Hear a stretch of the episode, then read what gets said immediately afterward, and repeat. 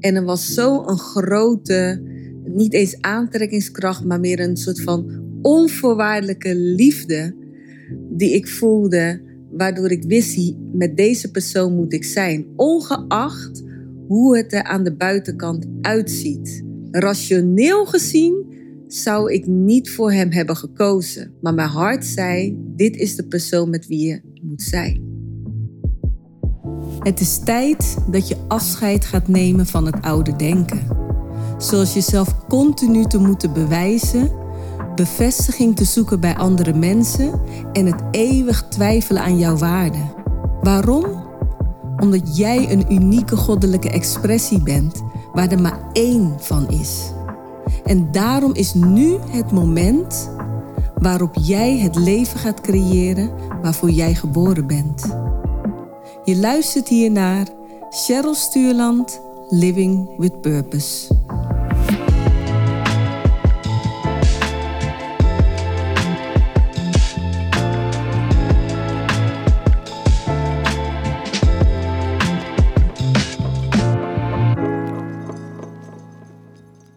Ja, welkom bij de derde aflevering van de serie die ik maak over het radicaal afscheid nemen van de persoon die je bent, zodat je natuurlijk het leven kunt gaan leiden waar je naar verlangt. En waarvan je ook diep van binnen weet dat dit jouw potentieel is, hè? dat dit voor jou is weggelegd. Ergens diep van binnen weet je, en dat is ons innerlijk diep weten, die nog weet wie je in oorsprong bent. En dat het dus mogelijk voor jou is om jouw oorspronkelijke identiteit tot leven te brengen. En jouw oorspronkelijke identiteit is die van onvoorwaardelijke liefde. En als jij dat gaat belichamen, dan ga je vanzelf in innerlijke rust leven met ongelooflijk veel vrijheid en een overvloed en een vreugde waar je alleen maar nu van kan dromen. Maar om dat te kunnen bewerkstelligen, zul je de persoon die je nu bent moeten loslaten. En de meeste mensen doen dit niet vanzelf. Meestal worden ze ertoe uitgenodigd. En in sommige gevallen, en dat is vaak waar het op neerkomt, word je er bijna toe gedwongen. Want jouw oorspronkelijke identiteit, de spirit in je, die blijft zich als het ware kenbaar maken in jou. En laat jou weten, ik wil tot leven komen. Ik wil tot leven komen. Waardoor je in situaties komt, waardoor je bepaalde situaties manifesteert, die jou uit gaan nodigen om naar binnen te gaan en te ontdekken dat waar je je al die tijd mee hebt geïdentificeerd, dat het maar een idee is, dat het maar overtuigingen zijn die je aangeleerd hebt gekregen. En dat die overtuigingen waar je zo krampachtig aan vasthoudt, dat dat jou in de weg zit om dus vrij uit te kunnen leven, vrij uit in overvloed te kunnen leven. En op het moment dat je dat doorziet, dan is het een no-brainer om afscheid te nemen van die persoon. En in mijn geval heb ik drie keer tot nu toe een radicale shift gemaakt, waarvan de laatste eentje is voor in de boeken. En de laatste was ook het meest intens. En ik denk ook dat dat de reden is geweest waardoor het zo tot een groot ontwakingsproces heeft geleid in mij. Dan praten we over oktober 2017. Op dat moment zat ik in een tweede IVF-traject. Ik en mijn partner verlangden ernaar om een kindje samen te krijgen. Mijn partner, die ik op dat moment waren wij vijf jaar samen. Het feit alleen al dat ik hem ontmoet heb en de manier waarop wij onze relatie vormgaven, kwam voort uit wat ik in mijn tweede shift natuurlijk had geleerd. Dat ik veel meer op mijn hart moest vertrouwen. En zoals je ook uit mijn tweede, uh, de tweede aflevering weet, moeder worden was absoluut een verlangen van mij. En dat probeerde ik eerst nog te forceren en in een, ja, in een mal te, te gieten van, oh zo moet het gaan. En dat had ik in de tweede uh, shift, had ik dat losgelaten, die zekerheden waar ik aan vasthield. En ik vertrouwde erop, op de timing die van binnenuit werd aangegeven. Dus toen ik mijn partner vijf jaar eerder ontmoette en hij mij vertelde dat hij één, niet alleen maar geen kinderen wilde, maar ook gesteriliseerd was, zou mijn oude Cheryl rechtstreeks weggerend zijn. Want ja, rationeel gezien was hij natuurlijk dan niet de ideale partner voor mij. Maar alles diep van binnen zei mij van, ja, dit is de persoon met wie jij met wie je verder gaat reizen, die je weer verder gaat laten groeien. Er was zo een diep weten en er was zo een grote, niet eens aantrekkingskracht, maar meer een soort van onvoorwaardelijke liefde die ik voelde, waardoor ik wist, met deze persoon moet ik zijn, ongeacht hoe het er aan de buitenkant uitziet. Rationeel gezien zou ik niet voor hem hebben gekozen. Maar mijn hart zei: dit is de persoon met wie je moet zijn. Uiteindelijk, omdat ik volledig in die vertrouwen zat, besloot hij na een jaar dat wij samen waren. En ook dat ging heel organisch, echt vanuit het hart. Groeide het dat we na negen maanden gingen samenwonen, omdat we gewoon met elkaar wilden zijn. En niet omdat we al negen maanden samen waren. En na een jaar zei hij ook, en had het al eerder laten doorschemeren van, ik zou nog wel opnieuw vader willen worden. Want de eerste keer dat ik vader werd, was ik heel jong. Dus zo gezegd, zo gedaan, uh, deed hij een hersteloperatie. En dat maakte ook dat we wel wisten dat het natuurlijk zwanger worden wellicht uitdagend zou zijn. En dat bleek ook zo te zijn. Maar wederom ik stond te ontspannen in en er was geen hurry. Ik vertrouwde de timing. En nou ja, letterlijk uh, vijf jaar nadat we samen waren, bleek inderdaad dat, uh, dat het natuurlijk zwanger worden een uitdaging was. En hadden we al een ander traject gevolgd dat minder ingrijpend is dan de IVF, het jaar daarvoor. En dat had niet geresulteerd in een zwangerschap. En nu was ik dus met de IVF gestart. En we hadden één IVF-traject gehad. En die resulteerde niet in een zwangerschap. En er was ook maar één eitje die bevrucht kon worden. En die, nou, die leidde natuurlijk niet tot de zwangerschap. Dus dit was de tweede poging. En in totaal in het, laat zeggen, in, het, uh, in Nederland worden de drie pogingen als het ware vergoed. En daarna ja, is het aan jou of je verder wil gaan. Maar ze geven aan, meestal in de drie pogingen zou voldoende moeten zijn. En ik zat dus in mijn tweede poging. En wat je ook moet weten, op dat moment had ik een bedrijf. Dat was ik drie jaar eerder gestart. En dat had ik gestart eigenlijk als een soort van concessie. Want mijn, mijn verlangen was om mensen ze te helpen het geluk te vinden in zichzelf ja, ik had niet de financiële middelen om dat van de grond te krijgen. Dus het was op dat moment een. Ik had vijf, eh, vijf jaar eerder de beslissing gemaakt. Toen had ik mijn partner net leren kennen. Ik laat dit idee varen. En ik ga kijken wat ik wel zou kunnen doen als een soort van onderdeel van mijn filosofie. En hele rationele beslissing was dat. Dus daarin ben ik afgestapt van het wat geeft mijn hart me in?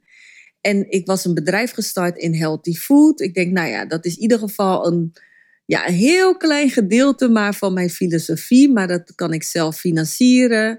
En ehm, als dit gaat lopen en een succes wordt, dan kan ik met de verdiensten uit dit bedrijf kan ik uiteindelijk doen wat ik eigenlijk het allerliefste wil doen. En op dat moment had ik dus al drie jaar die onderneming en het was al maanden aan het wringen in mij. Ik voelde me niet lekker in mijn vel. En ik wist wel dat het met die onderneming te maken had. En ik had ook al erkend aan mijn partner van, dit is het niet voor mij. Ja, dit bedrijf is het gewoon niet. Ik, ik, ik denk dat ik gewoon dat andere weer moet oppakken, maar ik weet ook niet hoe ik dat dan weer zou moeten vormgeven. Maar dit is het niet voor mij. Dus dat speelde op de achtergrond ook mee. toen kwam die tweede IVF. En ik verlangde op dat moment echt naar het moederschap. Ik voelde ook dat ik er klaar voor was. En ik weet nog de laatste dagen dat ik hè, in die IVF-traject, eh, dan heb je zoveel dagen. En als je dan ongesteld wordt, dan is de embryo die ingebracht is, die is dan niet ingenesteld, zoals ze dat noemen. En dan wordt het dus geen zwangerschap. En die laatste dagen was ik echt op van de zenuwen. Ik was zo op van de zenuwen. De hele de angst voor het ja, eigenlijk verliezen van deze embryo, die natuurlijk al ingebracht is. En dan zeggen ze: Oh ja, gefeliciteerd. Eigenlijk ben je nu al zwanger, maar het moet wel innestelen.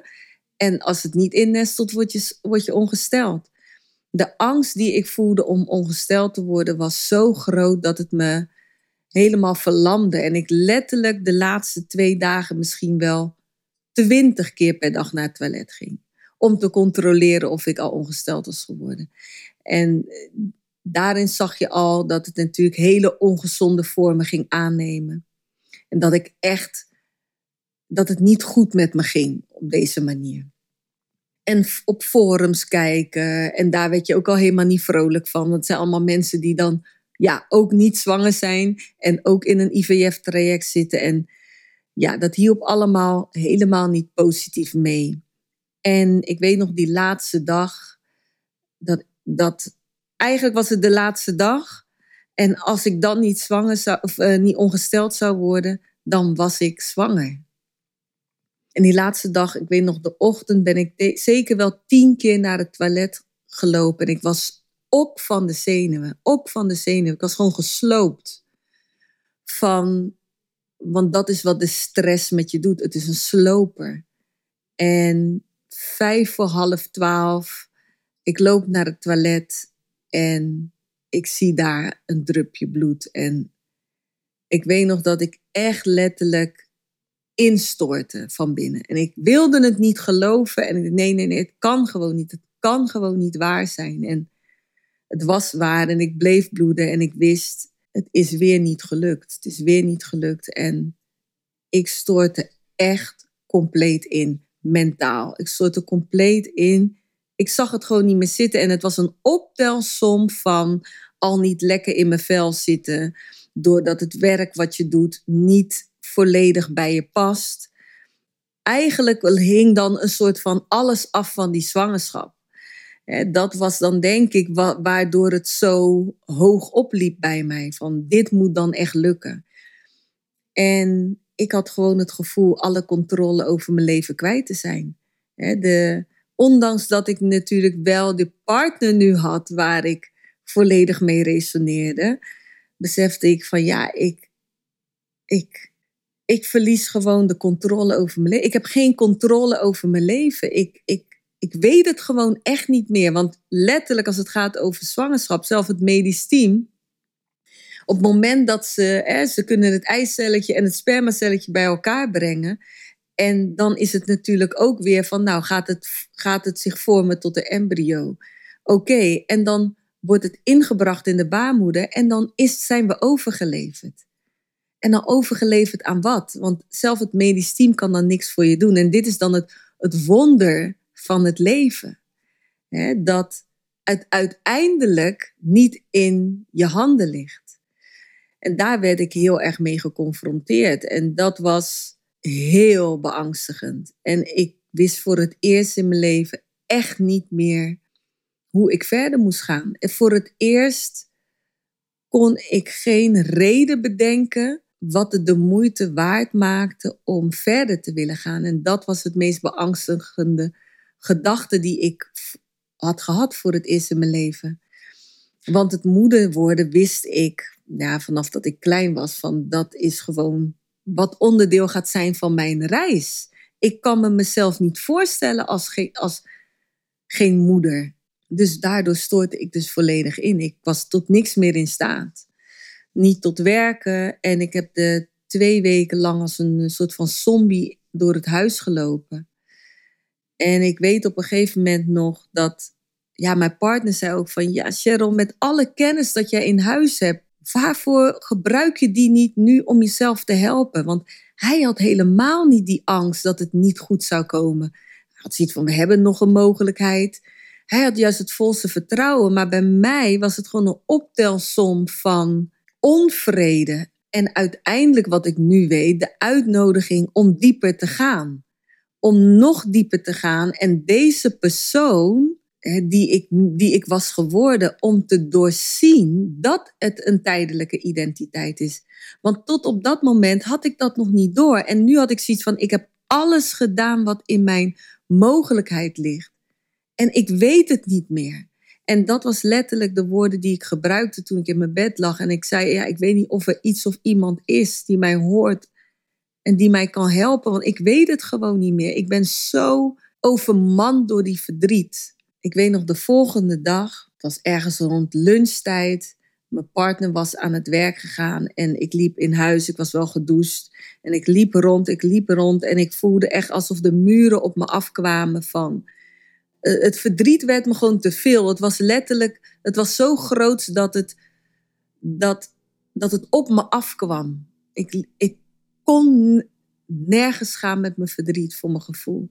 En ik belde mijn partner op en ik zei echt letterlijk van het wordt me gewoon te veel. Ik kan het gewoon niet handelen.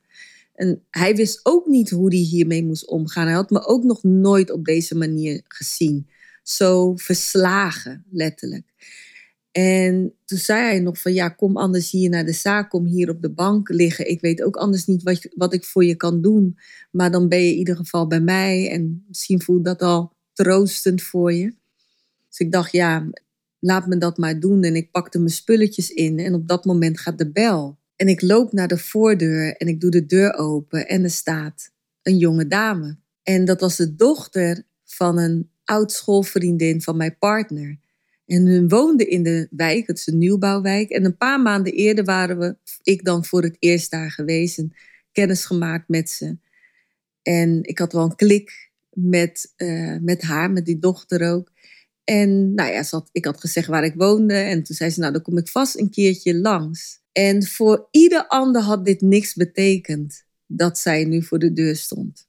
Maar voor mij was het het grootste teken wat ik kon ontvangen. Omdat kinderen, zeker in mijn jeugdjaren, waarin ik ook gewoon vaak me niet goed voelde, dan waren kinderen stonden voor mij altijd symbool als troost. Ik heb meerdere broers en zusjes, jonger als ik. En als ik me niet goed voelde en ze kwamen dan binnen, dan lichtte dat die kamer op. En dan kon ik me eigenlijk niet meer goed herinneren waar ik me zo rot over voelde. Dat was de uitwerking dat een kind op mij had. Dus toen zij voor de deur stond en zei ze: Hoor, ja, ik kom van school en ik moest opeens, ik denk, ik kom even bij je langs.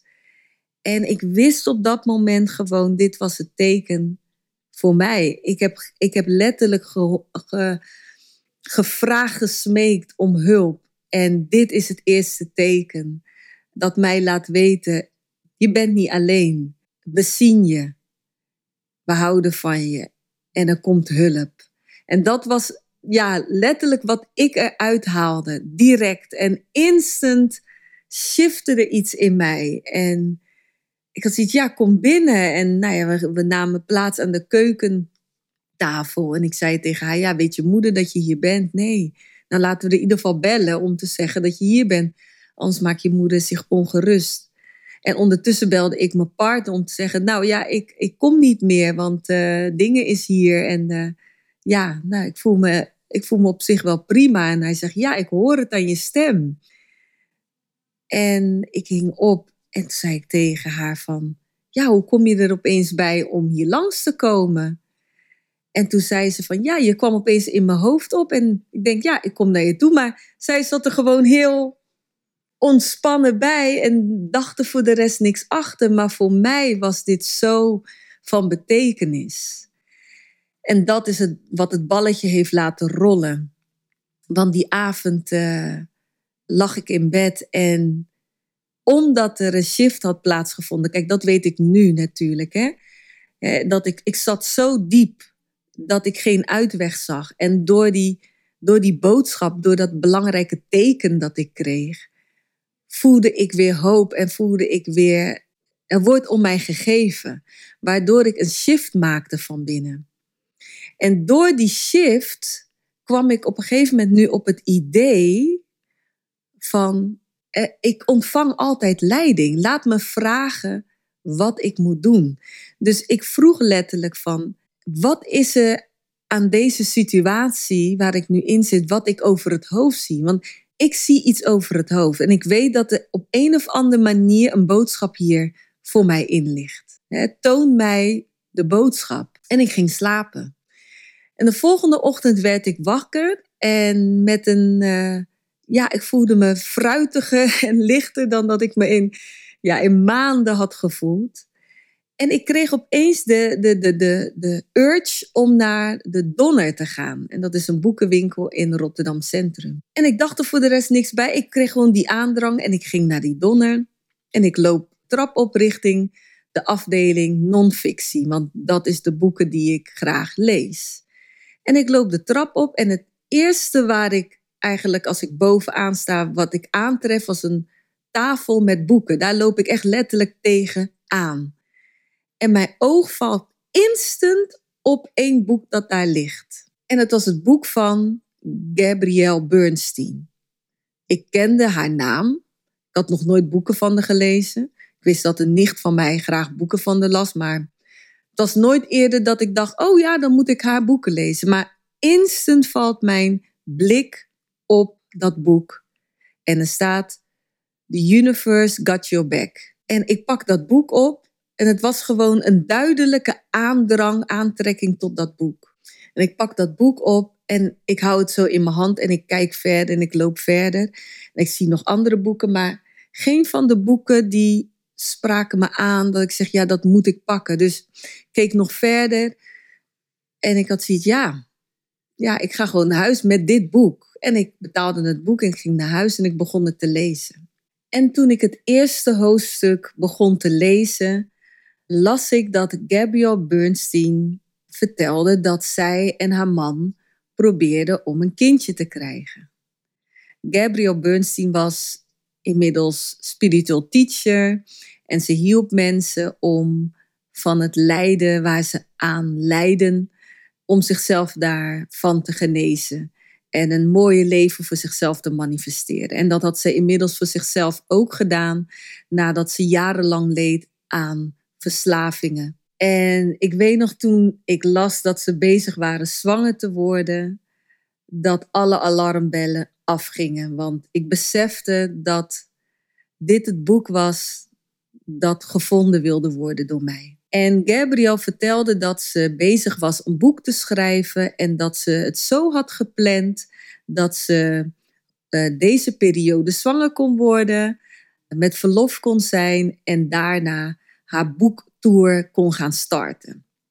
Maar het liep niet zoals plan. Dat maakte dat zij overmand werd door angst. En die angst probeerde ze te onderdrukken door middel van nog meer controle uit te oefenen op het proces. En uiteindelijk besefte ze door de negatieve emoties die ze voelde, op een gegeven moment, wacht even, wacht even. Wat probeert het universum mij te vertellen. En het was heel duidelijk wat ze kreeg te horen. En dat is surrender. En dat was dus ook de boodschap voor mij. Geef je over. want je zit zo in angst. En als je je overgeeft aan je hogere zelf, laat je dan leiden. En vertrouwen op dat waar je naartoe geleid wordt, dat dat mooier is dan dat jij je ooit kunt voorstellen. En dus ging ik in de overgave. Ik gaf me compleet over aan mijn hogere zelf, ondanks dat ik niet wist wat dat dan precies was. Want dat was nog een grote mysterie voor mij. En een paar weken daarna opende ik mijn computer en ik ging naar YouTube en ik was altijd fan van eh, YouTube-video's kijken, nog steeds. En mijn oog valt instant op een in mijn homefeed op een video van Eckhart Tolle. En de naam Eckhart Tolle kende ik, want sinds 2012 was ik actief bezig met, ja, zoals ze dat noemen, spiritualiteit. En zijn naam en zijn boek is ook voorbij gekomen. Maar tot op dat moment sprak het mij nooit aan. En nu werd, men, werd ik er letterlijk naartoe getrokken. Dus ik bekeek de video en ik was zo geïntrigeerd door iets wat hij zei. Het ging over van dat waar je je mee identificeert, dat dat bepalend is voor jouw lijden, voor jouw gevoel van vreugde en vervulling. Dus ik besloot naar de boekenwinkel te gaan om zijn boek uh, te kopen. En in het eerste hoofdstuk vertelt hij met name over zijn eigen journey, waarbij hij jarenlang aan depressies leed. En er dus achter kwam op een avond dat het verhaal wat hij zichzelf vertelde, waar hij dus aan leed, want hij voelde, eh, voelde zich minderwaardig, eh, waardeloos. Maar hij begreep op een gegeven moment in die avond dat wie hij werkelijk was, dat dat voorbij gaat aan het verhaal wat hij zichzelf vertelt. Dus het verhaal dat je jezelf vertelt is wat hij dan noemde hè, het personage. En dat is waar de meeste mensen zich mee identificeren. Terwijl als je in stilte gaat, en dat is dan zijn hè, methode, dan ga je beseffen dat wie jij bent de waarnemer is van het verhaal wat je jezelf vertelt. En iedereen kan dit voor zichzelf natuurlijk herkennen. Want als jij gewoon in stilte gaat zitten, en dat hoef je dan niet eens mediteren te noemen, maar gewoon in stilte gaat zitten, dan hoor je het, de, de gesprekken als het ware, die je voert met jezelf intern. Maar hij geeft dus aan het feit dat jij dat dus kunt observeren, maakt al dat de inhoud van de gesprekken, dat jij dat niet bent. Jij bent niet het gesprek. Jij bent degene die dus het gesprek observeert. En dat was de grote shift die in mij plaatsvond. Want op een gegeven moment zei hij dus ook van, waarmee identificeer jij je? En besef dat wat jij jezelf vertelt, de bron is van jouw lijden. Op dat moment ging ik het dus observeren en ik zag dus letterlijk hoe ik interne gesprekken hield met mezelf, mezelf naar beneden haalde, kritisch was op mezelf. Een van de dingen die me direct opvielen was bijvoorbeeld hoe ik over mezelf sprak met betrekking tot mijn natuurlijke haar. Eh, ik wilde al tien jaar, verlangde ik ernaar om met mijn eigen natuurlijke haar te lopen, maar ik kon mezelf er niet toe zetten, omdat ik mezelf vervelend voelde als ik een poging alleen al deed om met mijn eigen natuurlijke haar naar buiten te stappen. En nu, door wat hij mij had verteld, observeerde ik mezelf en kwam erachter dat ik zelf de bron was van eh, de lelijkheid, de zelfafwijzing. Dat ik mezelf dat vertelde en dat ik als gevolg daarvan een naar gevoel heb. En nu gebruik ik dat nare gevoel als een bewijs van zie je, ik moet niet naar buiten gaan met mijn eigen haar. Wat hij mij duidelijk maakte, is dat het personage, de persoon waar jij je mee identificeert, dat wij vanaf dat we opgroeien hebben we ja, ideeën aangeleerd gekregen over wie je bent. Je hebt dat geconcludeerd, je hebt het geobserveerd. En vervolgens vormt dat een soort van verhaal over wie je bent. Maar dat is niet de absolute waarheid. Hè? De oors, je oorspronkelijke identiteit is het niet-fysieke, het grootste aspect van jou, dat dit hele gebeuren gadeslaat. En dat is wat hij mij heel duidelijk liet zien. En in dat moment, en ik heb er een video over opgenomen toen ik mijn masker liet vallen, zag ik dus dat ik de bron was van mijn lijden. En dat ik daar dus mee kon stoppen. Dus in dat moment besloot ik direct van wauw, weet je wel, wat een onzin. Waar ik, wat ik mezelf al die tijd aan het vertellen ben. Ik moet blijkbaar aan een heleboel dingen voldoen van mezelf. Dat loop ik mezelf te vertellen. Want doordat ik leerde mezelf te observeren, kwam ik er dus achter dat ik het mezelf aan het vertellen was. En zodoende kon ik de meest radicale shift maken die, die, die ik tot nu toe heb gemaakt. En dat is de verschuiving van de, uh, waarmee je identificeert. Dus ik verschoof van me identificeren met dat personage naar me identificeren met mijn oorspronkelijke identiteit. En nu snap ik, dat is naarmate ik me natuurlijk verder ben gaan ontwikkelen, dat dat personage, het verhaal dat jij vertelt over jezelf, dat die dienstbaar mag zijn aan jouw oorspronkelijke identiteit. Want jouw oorspronkelijke identiteit heeft een verlangen, heeft een potentieel voor dit leven. En dat personage laat dat tot leven komen. Maar als dat personage allerlei ideeën heeft opgedaan over zichzelf, die in strijd zijn met jouw zielsspirit verlangen en potentieel voor jou, dan gaat, die, dan gaat dat personage als het ware in de weg zitten van het tot leven brengen van jouw zielsverlangen. Dus dat personage moet dienstbaar zijn aan jouw spirit. En dan heb je als het ware die samenwerking dat ervoor zorgt dat jij in vervulling kan leven. Want jouw spirit zal je altijd blijven leiden. En daar was ik me natuurlijk bewust van geworden. Van, oh wacht eens even. Als die, hè, het persoontje waarmee ik me identificeer, als die in overgave gaat, dan ben ik veel meer ontvankelijk voor de leiding die ik ontvang. En zo word ik als het ware naar hè, bepaalde boodschappen geleid, zodat ik deze enorme leugen kon doorzien. In dit geval was het natuurlijk de leugen van wie ben je? Heel veel mensen geloven dat hun waarde afhangt van wat ze hebben bereikt, wat ze bezitten, hoe ze eruit zien. En de enige reden dat jij dit gelooft is omdat jou dat is wijsgemaakt. Dat je dat wellicht hebt geobserveerd. Dat je dat het op televisie ziet.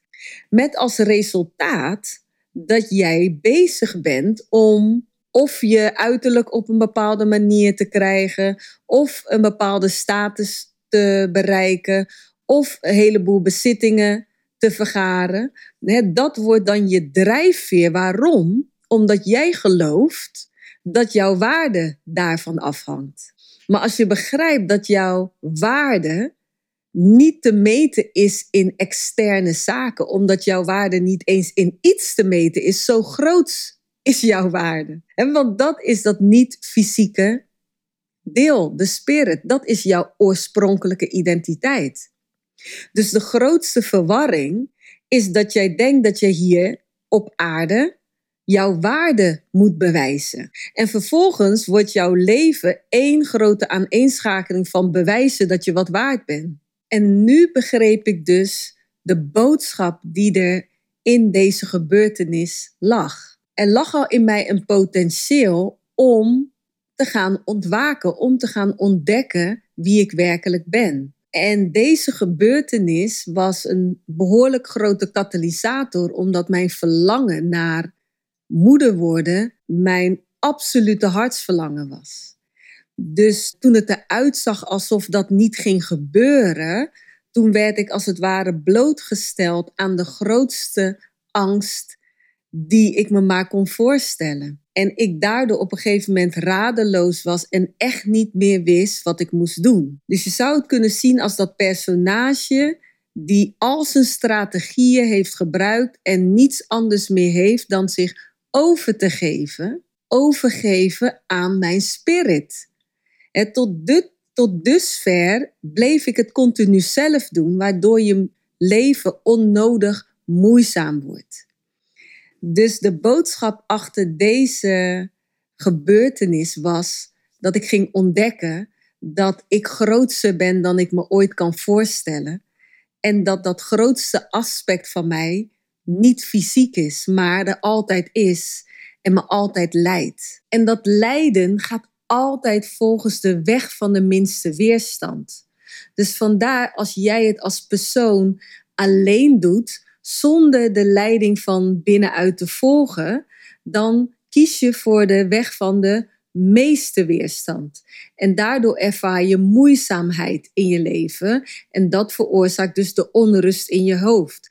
En daardoor hou je als het ware de overvloed bij jezelf vandaan.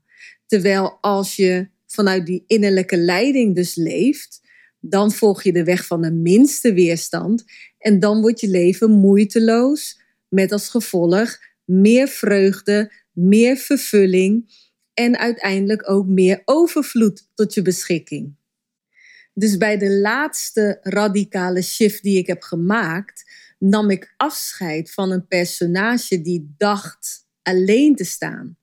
Alle strategieën die ik had geleerd om te overleven en om zogezegd te manifesteren, had ik gebruikt. En ik had niets meer tot mijn beschikking en daardoor ging ik me overgeven. Wat op dat moment ruimte bood aan mijn grotere zelf om mij te leiden. En vanaf dat moment besefte ik, hè, want ik werd geleid naar de, naar de boeken en naar Eckhart Tolle.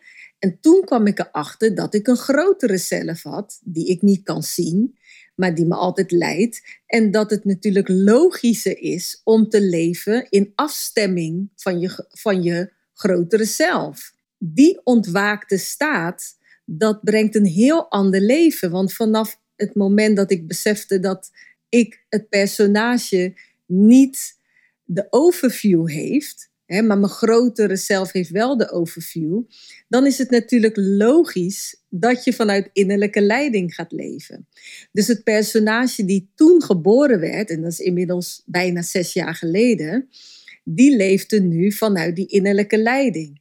En toen ging ik zien dat ik continu wat andere mensen dan als geluk zouden bestempelen, continu synchroniciteiten ging meemaken. En die volgden elkaar in een rap tempo op. En dat is dus het gevolg als je gaat leven vanuit ja, je ware zelf. En dan is het personage die, jij, hè, die ik nu speel, die is volledig dienstbaar aan mijn ware zelf. En dat betekent dat ook al zou ik misschien een idee hebben over hoe dingen gaan, op het moment dat iets anders lijkt te lopen, dan weet ik ook direct dat ik geleid word en dat het plan wat ik voor ogen heb, dat dat niet de weg is van de minste weerstand. Waardoor ik altijd in een staat van acceptatie ben en altijd in excitement ook van wauw, ik ben benieuwd hoe dit zich gaat ontvouwen. Maar ik weet dat dit in mijn best interest is. En dat is een hele andere manier van leven, kan ik je vertellen. En dat is ook voor jou weggelegd als je dus de bereidheid hebt om radicaal afscheid te nemen van het personage wat je nu speelt, zodat er een nieuw personage geboren kan worden die veel meer dienstbaar is aan het leven waar je naar verlangt. En dit was de laatste aflevering van de driedelige serie over het radicaal afscheid nemen van het personage, zodat je het leven kunt gaan leiden waarvoor je geboren bent. Ik wil je heel erg bedanken voor je aandacht en tot de volgende keer. Waar voel jij je na deze aflevering toe uitgenodigd? En hoe zou jij nog meer expressie kunnen geven aan jezelf? Deel dit met mij via mijn social media kanalen of in een persoonlijk bericht aan cheryl.cherylstuurland.nl. Door op de volgknop te drukken ben je altijd op de hoogte wanneer er een nieuwe aflevering voor jou klaarstaat. Dus vergeet dat niet te doen. En dan zeg ik voor nu, dankjewel Purpose People voor het luisteren en till next time.